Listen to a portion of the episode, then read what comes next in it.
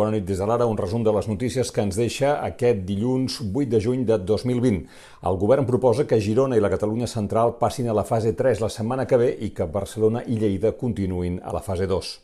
Seguint la sentència del Tribunal Suprem, la Fiscalia ha rebaixat l'acusació de rebel·lió a sedició del cas de la cúpula dels Mossos d'Esquadra, i en especial del major Trapero, però la petició de penes pel major per l'exdirector general Pere Soler, i l'ex-secretari general d'Interior, César Puig, només es veu reduïda d'11 a 10 anys de presó i inhabilitació absoluta. També ha anunciat la Fiscalia l'alternativa d'una condemna per desobediència que no implica presó. La desobediència requereix una negativa oberta al compliment de les resolucions judicials, cosa que és difícilment atribuïble a Trapero perquè sempre va manifestar la voluntat d'aturar el referèndum. La Fiscalia sosté que va haver una estratègia, una estratègia concertada per fer la independència amb els Mossos com a pota fonamental amb l'única diferència que ara, en el relat que fa Fiscalia, la violència ja no és un element estructural. Del BNS, per exemple, ja no s'utilitzen adjectius per parlar de danys als patrol de la Guàrdia Civil ni expressions com massa o tumult per definir la concentració que va haver davant de la Conselleria d'Economia. La descripció de la sortida de la secretària judicial del jutjat 13 de l'edifici és breu i no hi ha qualificatius, ni una sola referència a l'intent d'esbotzar la porta de la conselleria que la Fiscalia va eh, insistir abundantment que havia passat quan el judici al Tribunal Suprem.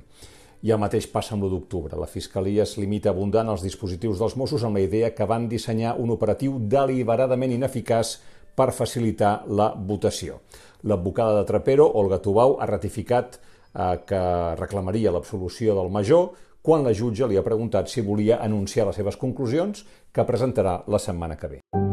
Més tribunals. La Fiscalia del Tribunal Suprem investigarà el rei Joan Carles de Borbó sobre els presumptes comissions pagats en l'adjudicació del tren d'alta velocitat entre les ciutats de Medina i la Meca, adjudicada a l'octubre del 2011, que té un valor de 6.736 milions d'euros. La investigació se centra precisament en delimitar o descartar la rellevància penal dels fets que passen amb posterioritat al juny del 2014, que és el moment en què Joan Carles va deixar de ser rei i, per tant, perdia la inviolabilitat que la Constitució garanteix al cap de l'Estat. Això vol dir que el rei emèrit espanyol anirà a declarar en qualitat d'investigat i també la seva examant, Corina Larsen.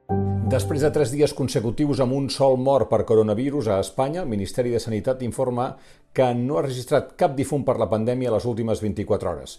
Ha dit que hi ha hagut 48 positius, que és la xifra més baixa des del 5 de març. A Catalunya, el nombre de morts per coronavirus ha augmentat aquest dilluns en 8, la xifra total arriba a 12.403 defuncions, són dades que no comptabilitzen els morts de les últimes 24 hores, en aquest cas només n'hi ha un, i sí morts que s'han anat coneguent en, els, en les últimes 24 hores fora de dies anteriors. I per cert, Nova Zelanda és el primer país que dona per eliminat el Covid-19. Les úniques normes que hauran de complir a partir d'ara els neozelandesos seran rentar-se les mans, eh, eh, tossir i esternudar a la part interior del colze i quedar-se a casa si estàs malalt. Nova topada entre Junts per Catalunya i Esquerra, aquesta vegada pel contracte de 17 milions d'euros que ha subscrit la Conselleria de Salut amb una filial de Ferrovial perquè faci el rastreig dels contactes de persones que han donat positiu per coronavirus. Esquerra ha assegurat que el departament rectificarà.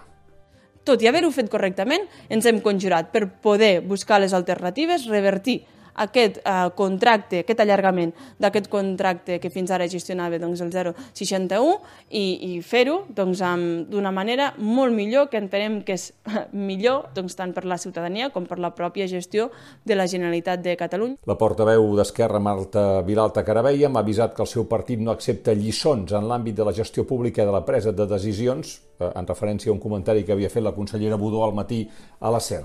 I l'oposició ja belluga. Nosaltres considerem que aquesta externalització el que fa és trencar consensos que s'havien consolidat durant aquestes setmanes.